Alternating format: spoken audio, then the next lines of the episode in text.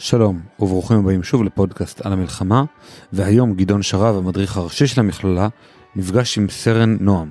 בפרק זה הם דיברו על הצבא הרצחני והחדשני ביותר בתולדות המלחמה, הצבא של גרמניה הנאצית, ועסקו בנושא שלא הרבה מכירים, פיקוד מוכוון משימה, וכיצד גישה זו שימשה את האס-אס שלא היה ארגון צבאי, אלא ארגון משטרתי, בפתרון הסופי להשמדת יהדות אירופה, או בשמה האחר, השואה.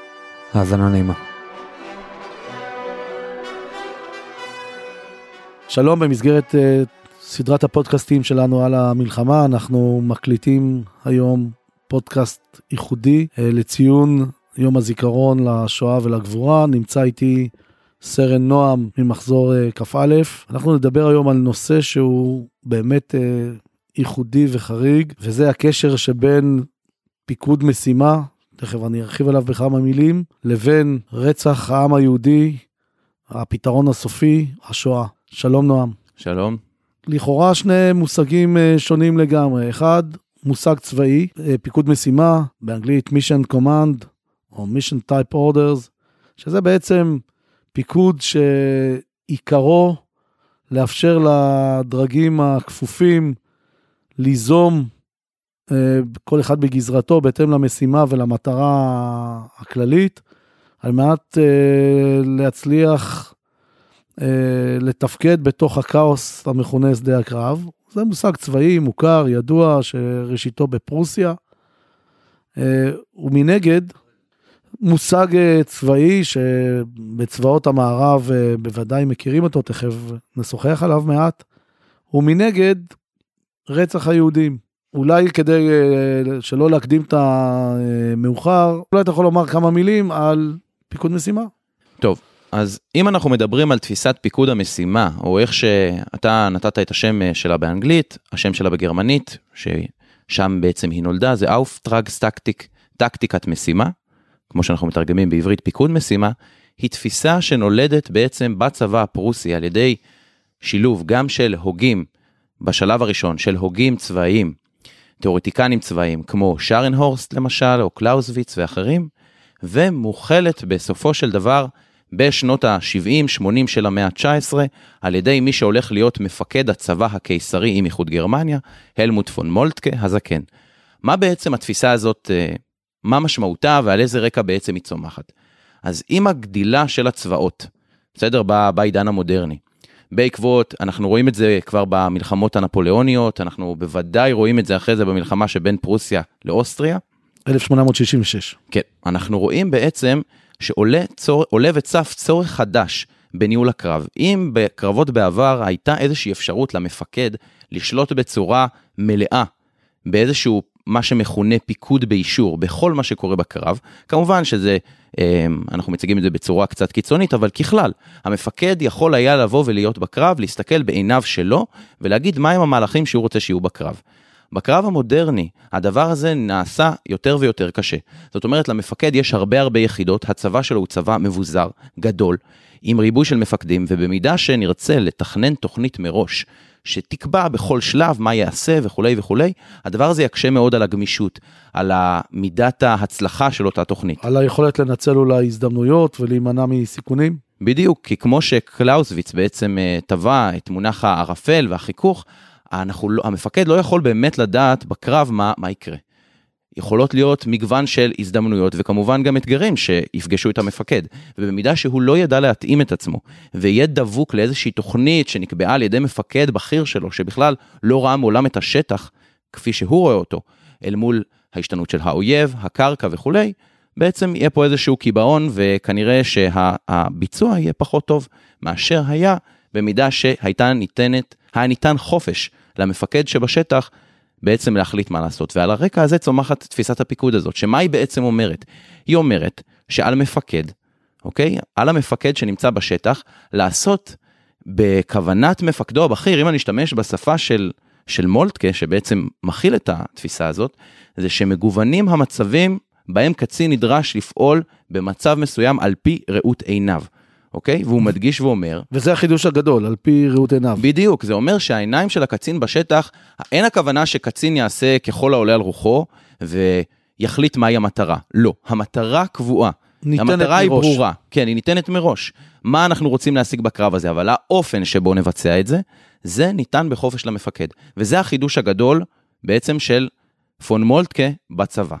והתפיסה הזו אה, קונה לה אחיזה בוודאי אחרי המלחמה בין פרוסיה לצרפת ב-1870, הניצחון הגדול על צרפת, האויבת המסורתית של, אה, של פרוסיה, של גרמניה בעצם עכשיו.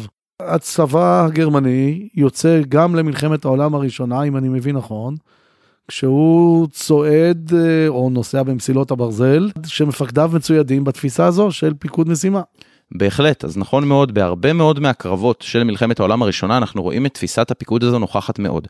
וגם אחרי ההפסד של הגרמנים במלחמה, כאשר הקיסרות מתפוררת, אנחנו רואים שגנרלים גרמנים בזיכרונותיהם, הרבה פעמים מביעים איזושהי ביקורת שהסיבה לכישלונות ולהפסדים במלחמה נבעה מהעובדה שלא מומשה תפיסת פיקוד המשימה.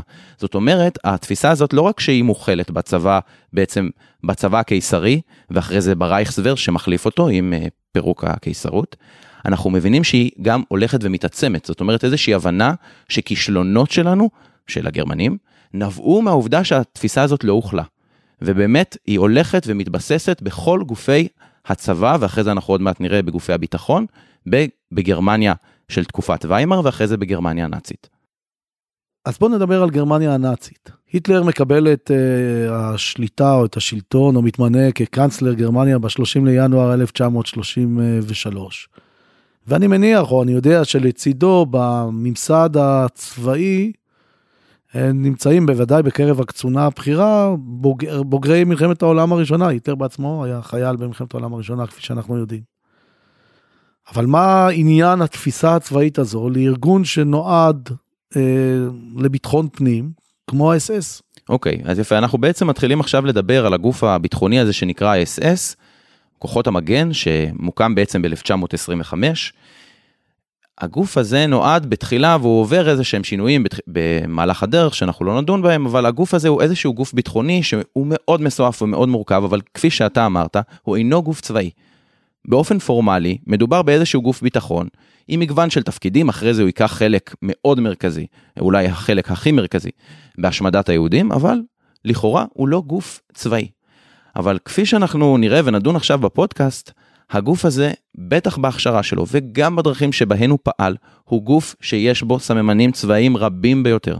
הן מבחינת ההכשרה, הן מבחינת פרקטיקות הביצוע, הן בעובדה שהרבה מהמפקדים שלו הם בוגרי הצבא, בעלי תפיסה צבאית, בעלי הבנה צבאית, שיח צבאי, גם מבחינת הנראות שלהם כמובן. אם כל אחד מאיתנו יכול לדמיין את חזות קציני וחיילי האס-אס, הם כמובן לובשי מדים, אז נכון שמבחינה פורמלית הם, יש דמיון רב יותר לכוח שהוא כוח משטרתי, אבל בהרבה מאוד מובנים שעליהם נדבר, יש רכיבים שהם סממנים צבאיים או פארה צבאיים. אז בוא אולי אה, תתאר את ההכשרה באס-אס, בתחום הזה של פיקוד אה, משימה. אוקיי, אז באמת אנחנו במהלך שנות ה-30 מוקמים לראשונה בתי הספר של האס-אס. בין אם זה בתי הספר של הזרוע הצבאית של האס-אס, שזה הוואפן אס-אס, ובין אם זה האס-אס הכללי. הבתי ספר האלה, בתי הספר הללו מוקמים אה, במקומות שונים בגרמניה, הראשון הוא בית הספר בבד טולץ, והם אה, מוקמים, וחשוב להדגיש את זה, בראשונה על תשתית של אה, הוורמאכט. אוקיי, הוורמאכט הוא הצבא שבעצם היטלר מקים ב-1935 על בסיסו של הרייכסוור, הוא מגדיל בניגוד למה שהוסכם בהסכמי ורסאי, הוא מפר אותם, מגדיל מאוד את הצבא, ועל בסיס אותם קצינים ומפקדים מהוורמאכט, הוא מקים לראשונה את האקדמיות הצבאיות הללו של ה... אני אומר בכוונה אקדמיות צבאיות, כי בהרבה מאוד מובנים הם באמת היו אקדמיות צבאיות. של האס-אס. של האס-אס. שם מתחנכים קציני האס-אס, שעתידים להיות אה, לקחת חלק בהשמדת היהודים בשלבים יותר מאוחרים, ובכל זרועות המנהל והפיקוד של האס-אס השונות. עכשיו, מי הם, בואו נתחיל רגע, נדבר רגע על הסגל. מי, מי הוא אותו סגל של בתי הספר של האס-אס? אז גם הקצינים, המפקדים היותר בכירים והפחות בכירים באותם בתי ספר, הם כולם, או מרביתם, בוגרי מלחמת העולם הראשונה, בזרועות השונות של הצבא, בין אם זה בחיל הרגלים, בין אם זה בחיל האוויר, האנשים האלה התחנכו על ברכי תפיסת פיקוד המשימה במקומות שמהם הם באו. עכשיו החניכים כמובן אלה שיותר צעירים שמתחנכים בשנות ה-30 הם לא בוגרי המלחמה, אבל בוודאי כל הסגל הפיקודי הוא התחנך על, אה, הוא צמח במלחמה הזו. ובמערכי השיעור ניתן למצוא נגיד הד או אה, נגיד אה, סימנים אה, מעידים לכך שפיקוד משימה הוא מה שמצופה מקצין האס-אס אה, שלומד עכשיו באקדמיה הזו? אוקיי, אז זו שאלה מצוינת. לפני שנענה עליה, אני רק אומר שגם אם אנחנו בוחנים את מערכת השעות שלהם, של אנשים ששוב, אני אומר, אלו לא מדובר בחיילים, זהו כוח שלפחות באופן פורמלי, הוא אינו צבאי, הם מקדישים זמן רב מאוד, אוקיי? אנחנו ל, ללימודים של דברים שהם צבאיים קלאסיים. נגיד 10 שעות בשבוע, מוקדשות לטקטיקה והנעת כוחות וקריאת מפות. עוד שלוש שעות מוקדשות לסוגיות צבאיות. אנחנו רואים שאחד ממי, ש... ממי שמתווה את תוכנית הלימודים של אותם קצינים באס-אס מדגיש ואומר, בחור בשם אוגוסט הייסמאייר, הוא אומר, ההכשרה הצבאית של האס-אס לא תיפול מזו של הוורמאכט. מקדישים באמת המון המון זמן להכשרה שהיא הכשרה צבאית ויש לנו עדויות רבות לכך. עכשיו, מבחינת הסילבוס, מה לומדים? אז יש דבר חשוב מאוד שעלינו להסתכל עליו, שזה מחברות הפיקוד של ה-SS, זה איזשהו מסמך, איזשהו אה, כתב עת שהיה יוצא באופן קבוע, אחת לכמה זמן, לאורך כל שנות ה-30 וגם אחרי זה במשך שנות ה-40, שהוא היה התשתית של החינוך של אה, קציני וחיילי ה-SS, איזשהו ספר, חוברת, סליחה, ש... הקצינים למדו ממנו את חומר הלימוד שלהם, הוא הכיל כל מיני דברים, החל בפילוסופיה סוג ושירה. סוג של אה, מקראות כאלה? זה לגמרי, זה מקראות, זה חומר הלימוד, זה איזשהו שילוב בין כתב עת למקראות. כי זה היה אומנם מופיע בצורה איטית, אבל זה הכיל חומרים שממש הוגדר בראשיתו של כל כתב עת כזה, מה צריך ללמוד באיזה שבוע ובאיזה חודש מבחינת אה, הכשרה של ה-SS. וכאשר עברתי על אותן אה, מחברות פיקוד, כדי לבחון האם באמת תפיסת פיקוד המשימה מצאה לה מקום בהכשרה של קציני אס-אס, אז נחשפתי לכמה דברים מאוד מעניינים. ואחד הסיפורים המעניינים, אותו אה, כותב בעצם קצין שהיה בשעתו בדרגת סגן, אחרי זה הוא עלה לדרגה של סגן אלוף, בשם יוהאן פון לרס. יוהאן, אותו יוהאן פון לרס, אחרי זה אנחנו גם נפגוש אותו אחרי המלחמה, הוא היה משפטן נאצי אה, מאוניברסיטת ינה, היה לו דוקטורט. אה, קצין מאוד מאוד משמעותי במחברות הפיקוד הללו, כותב מאוד מאוד פורה. אחרי המלחמה הוא גם אה, עובר למצרים, מתאסלם, וכן, ומשרת את המודיעין המצרי בשנות ה-50, שזו נקודה מעניינת. ואותו יוהאן פון לרס מספר סיפור. עכשיו, חלק מהדרך שבה אמצעותה אה, מחונכים אותם קציני אס-אס זה לקחת סיפורים מההיסטוריה הצבאית הפרוסית, לפעמים גם הגרמנית היותר עתיקה, ול... לקחת מתוכה, לדלות מתוכה כל מיני עקרונות שאותם רוצים להדגיש. מין סוג של לקחים שמועברים באמצעות סיפורים. נכון, מה שאנחנו היינו מכנים את זה, אם היינו אומרים בעברית, היינו אומרים מורשת קרב, לקחת מורשת קרב. אה, מקרבות שהן קרבות מופת, או דווקא קרבות שהן קרבות לא טובים, ומהם להפיק את הלקחים שאותם רוצים לחנך את קציני אס-אס. ואחד מאותם קרבות שיוהאן פון לרס כותב עליו, הוא קרב שהיה מאוד מפורסם כנראה בשעתו. אה, אחרי זה הוא טיפה, אני חושב, נשכח, אבל אה, לענייננו, קרב שנקרא הקרב בגראודנץ. עכשיו הקרב הזה קורה בשנת 1806-1807 אה, במסגרת מתקפה של נפוליאון על צבא פרוסיה. עכשיו במסגרת הקרב הזה, ואנחנו לא, לא נתאר אותו, אנחנו רק ניגע בנקודה שלנו, הכוחות הפרוסים נכנעים בזה אחר זה, ורק מפקד פרוסי אחד בשם גנרל פון קורבייר, שהוא היה במקור ממוצא צרפתי, אבל הוא אה, נלחם בשורותיה של צבא פרוסיה, הוא היחיד שעומד ולא נכנע. ויוהאן פון לרס מכניס אותנו לסיטואציה הזאת כדי ללמד אותנו את העקרון של פיקוד משימה, ואנחנו ממש נראה עכשיו מה, מה הוא אומר שם. הוא מבקר שם בביקורת חריפה מאוד את כל המפקדים, שעושים את מה שמכונה פיקוד באישור. מחכים שתגיע פקודה, והוא אומר, ואני מצטט, פיקוד פרטני. בדיוק, אותו פיקוד פרטני. הוא מבקר אותו, והוא אומר, הטעות הגרמנית הנפוצה, שכאשר לא מגיעה פקודה מלמעלה, לא מתקבלת כל החלטה עצמאית, התנקמה בכוחות הפרוסים באופן מזעזע, והחמירה עוד יותר בשל הפדנטיות של הפרוסים. אוקיי, הוא מעיר על כל אותם מפקדים, הוא אומר, אתם, שוב, אם נשתמש במונח שמוכר לכולנו, אתם הייתם כל כך יקים, חיכיתם לפקודה שתגיע, היא לא הגיעה, ובגלל זה נכשלתם. אבל הוא פונה ומשבח גנרל אחד. אותו גנרל פון קורבייר שנמצא בעיר גראודנץ שבמזרח פרוסיה. הגנרל הזה ממשיך ועומד במצור במשך כשנה. כשנה שלמה הוא מצליח לעמוד במצור, ומסופר, וזה מספר עוזר של אה, נפוליאון בשם אה, גנרל סברי, הוא מספר שכאשר נשלח שליח צרפתי ואומר לו, חבוב, עליך להיכנע, כל הכוחות הפרוסים כבר אה, נכנעו, בעצם נפוליאון כבש כבר הכל. אז עונה לו הגנרל קורבייר, ואני שוב מצטט, גנרל שלך אומר לי כאן שאין יותר מלך לפרוסיה, כיוון שהצרפתים כבשו את המדינה שלו. נו טוב, ייתכן. אולם גם אם אין יותר מלך לפרוסיה, המלך של גראודנץ עוד ישנו, אמור זאת לגנרל שלך. ואת האמרה הזאת משבח פון לרס, והיא המוסר בדיוק לאותם קציני אס-אס צעירים שהולכים להתחנך ואחרי זה לשרת במזרח. זאת אומרת, אתה בנקודה, אתה תחליט, אתה תיזום, אתה בדיוק. תב- תבצע, אתה המפקד העליון בגזרתך. הוא, הוא אומר את זה בלשון מאוד מאוד חריפה.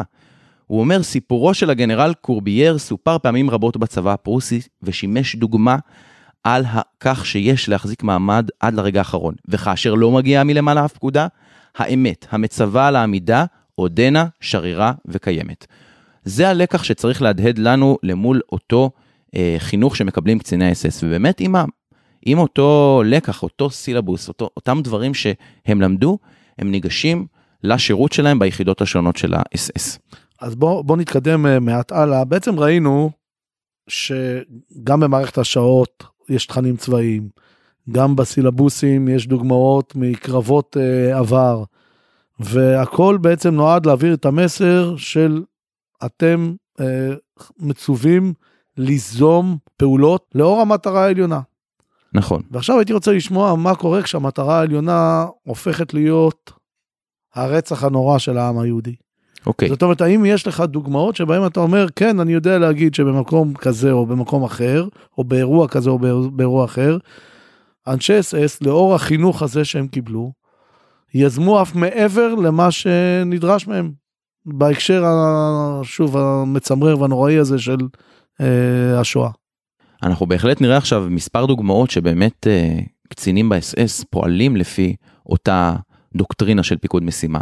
אבל כדי להבין את הדבר הזה אנחנו בכלל נדרשים קודם כל לשאול את עצמנו, האם בכלל רצח היהודים הוא משימה אזרחית או צבאית? הרי מה הקשר? זאת אומרת, למה שקצין ב-SS יתייחס ל- לרצח היהודים, שאותו הוא יידרש לבצע בשלב כזה או אחר כאל משימה צבאית? ואם אנחנו בוחנים, אנחנו יכולים להסתכל על זה במספר תחומים. אם אנחנו בוחנים את העניין הזה של רצח היהודים, אנחנו רואים שכבר משלב ראשון, משלב מאוד מאוד מוקדם, עוד אפילו לפני שהוחלט לרצוח את היהודים, הטרמינולוגיה הנאצית מציגה את המאבק ביהודים כמלחמה. אוקיי, גם הספר של היטלר, שאומנם לא עוסק אך ורק ב, ביהודים, נקרא מלחמתי, מיינקאמפף, אוקיי, או מאבקי. אחרי זה, כבר במהלך מלחמת העולם הראשונה, מתפתח מיתוס הסכין בגב, שמאשימים את היהודים בזה שההפסד הוא בגלל איזושהי בגידה שלהם בגרמניה.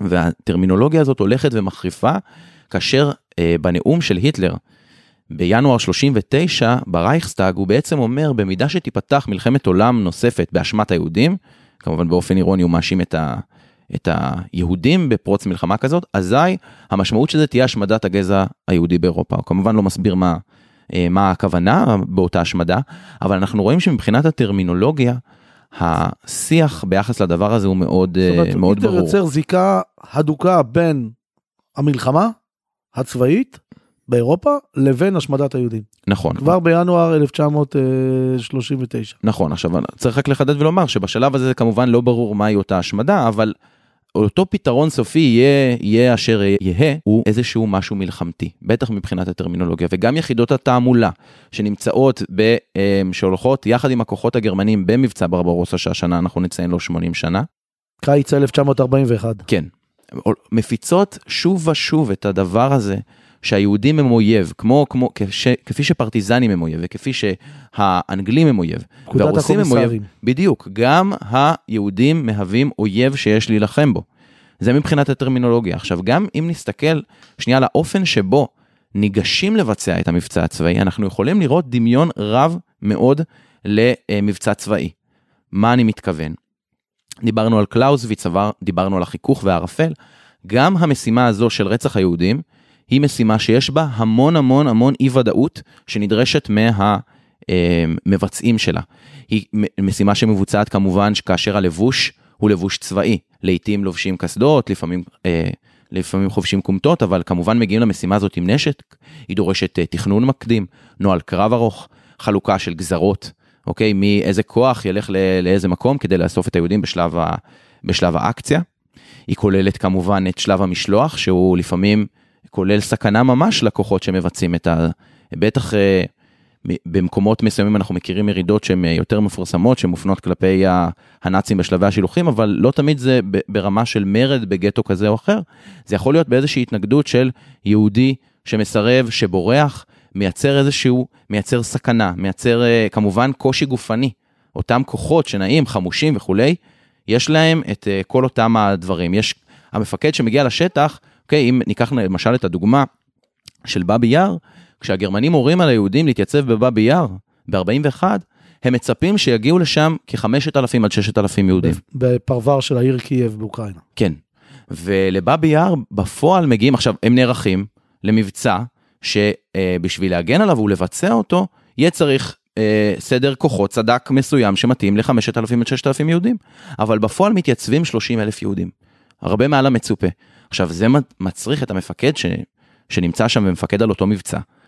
לשינויים, החלטות. לקבל החלטות. הוא לא יכול, בטח בצורה שבה מבצע ברברוסה מתנהל והאיינזצקרופן, עוצבות המבצע שמבצעות את הרצח והולכות בעקב הצבא, השטח הגיאוגרפי הוא כל כך גדול, שאין יכולת לחכות ולקבל פקודה מרמה ממונה בכל שלב, והמפקד שנמצא בשטח נדרש לקבל החלטות. בואו נדבר על שלב הרצח. ברצח, אז כמובן, זה מתנהל בצורה של כיתת יורים. אוקיי? שזה מזכיר במובן מסוים, זה בטח מעלה זיכרונות לכל מי שהתחנך בצורה צבאית, יש פה איזשהו אופי גוון צבאי, הסירחון. של מטווח. של מטווח, כן? של מטווח, או אולי אפילו של איזשהו תרגיל.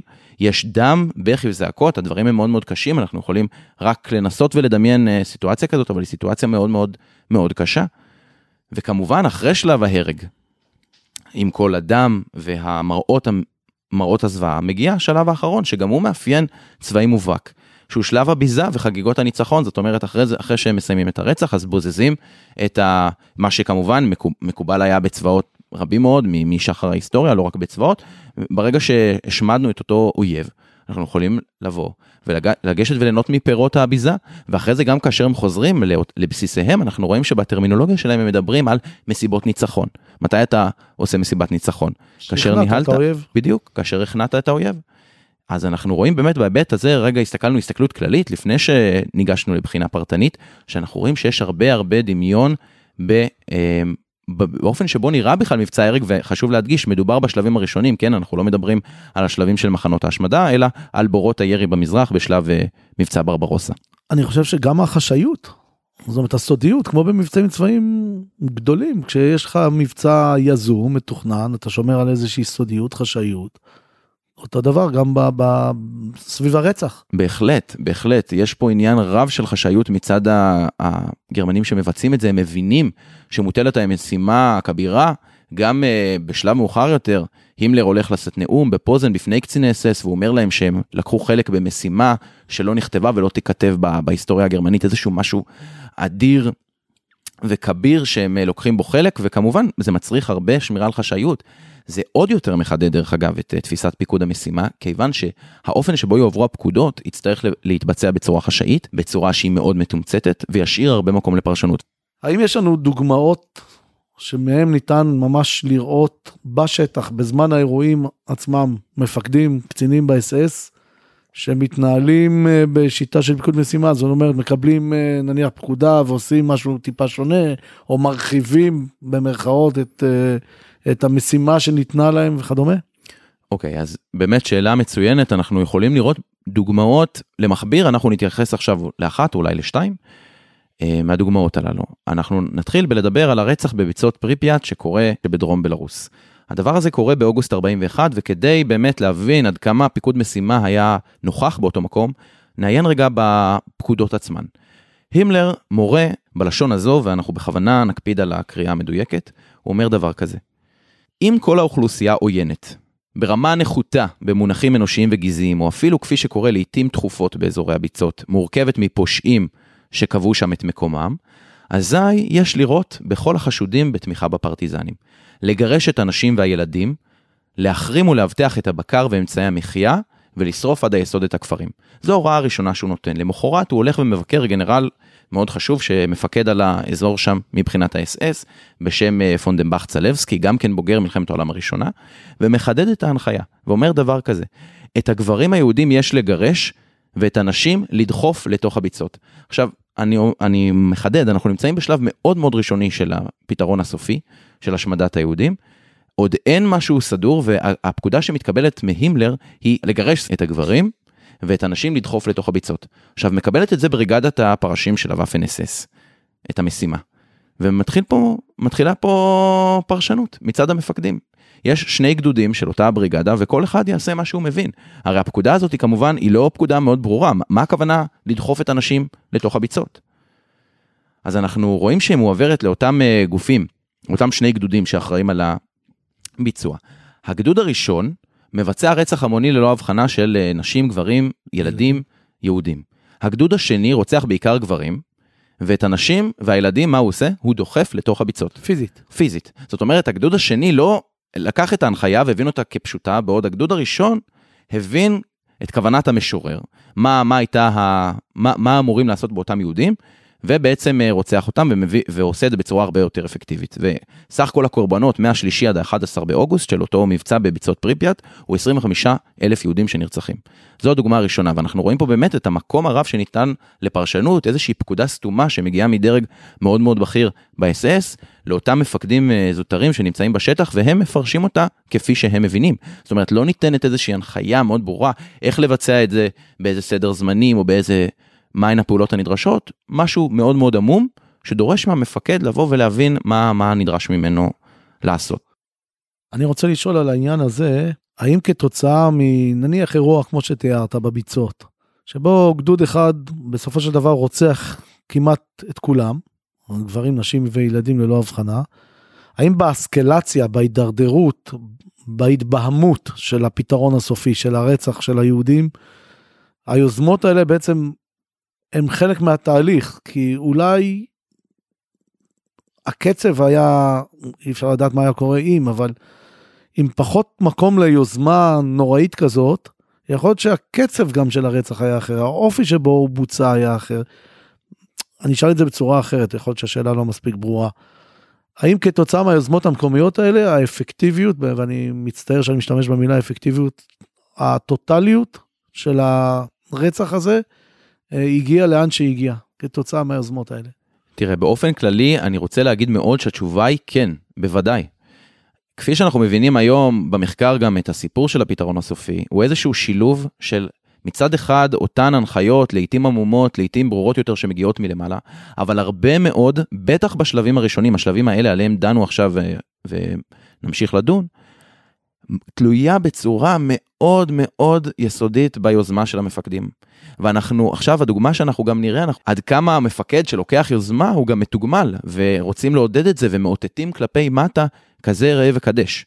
אוקיי? הדוגמה הבאה, אנחנו מדברים על רצח שקורה בקמניץ פודולסק שבאוקראינה, לשם מגורשים במהלך חודש אוגוסט אלפי פליטים יהודיים, כ-14 אלף פליטים יהודיים שמגיעים אליה מהונגריה בעלת בריתה באותה שעה של אה, גרמניה.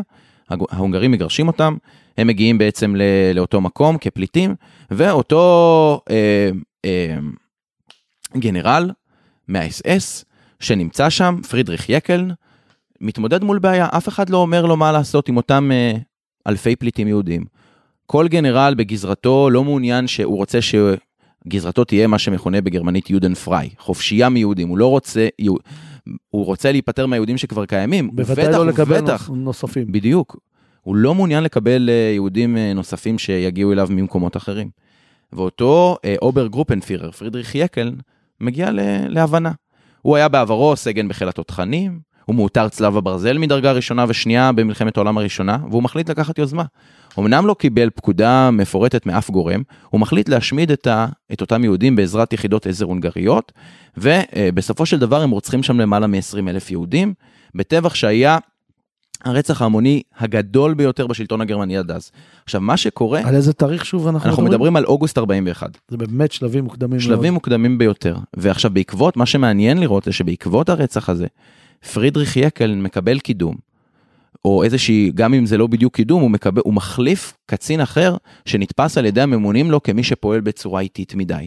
זאת אומרת, הגר... הפיקוד הבכיר מסתכל על פרידריך יקלן, שלא קיבל פקודה, נהג כמו גנרל פון קורבייר, שגם כשלא הגיעה הפקודה, הבין מה עליו לעשות ועשה את המוטל עליו, ולכן הוא מחליף קצין אחר שהוא יותר איטי, יותר מתמהמה. יותר הססן אולי? יותר הססן, כן. בהחלט. כדי לייצר, אם שאלת מקודם על האפקטיביות והפרודוקטיביות של המבצע המזעזע הזה, אז בהחלט.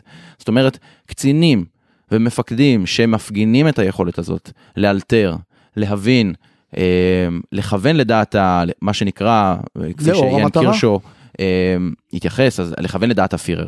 אוקיי, מי שמכוון אה, לדעת הפירר, אז באמת זה דבר שמעודדים אותו, ואילו את ההיעדר יוזמה והיעדר אה, היעדר אלתור, זה דבר שמגנים אותו, בהחלט. כלומר, זה דבר שהיה קיים בכל הגופים, אבל בצבא הוא מקבל משנה תוקף בגלל תפיסת פיקוד משימה. זאת אומרת, תפיסה שקיימת בכל גופי המנהל, השלטון הגרמנים, של לכוון לדעת הפירר, של אנחנו עושים לאור איזושהי מטרה, בצבא יש לה גם ממש תפיסה. שמחנכים עליה, בדיוק. אז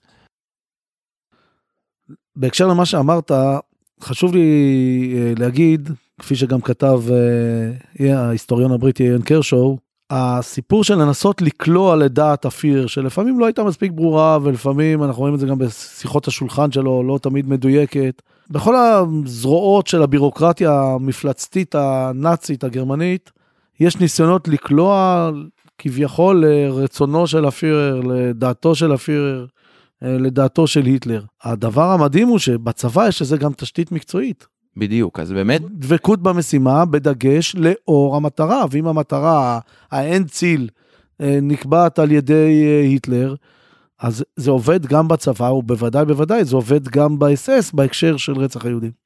בדיוק, אותם מפקדים שנמצאים בשטח במבצע ברברוסה, אחרי שספגו את התעמולה המשמעותית שהם קיבלו מיחידות התעמולה שליוו אותם. אמ, גם דרך אגב, יכול להיות שזה לא, בחלקים מסוימים לא בהכרח מדובר בקצינים שיש להם איזושהי איבה מטורפת כלפי היהודים, אבל הם בהחלט מבינים מה נדרש מהם. זאת אומרת, גם אם אני קצין ששנאתי כלפי היהודים היא לא, השנאה כלפי היהודים לא עומדת בראש מעייניי, אני אולי לא איזה אה, פנאט. איד, פנאט, אידיאולוג נאצי מטורף, אבל אני מבין מה נדרש ממני ממפקדיי הבכירים, ולכן אני אני עושה את רוצה להיות- המירב אני ואת רוצה להיות המותר. מוערך, אני רוצה להצליח. בדיוק.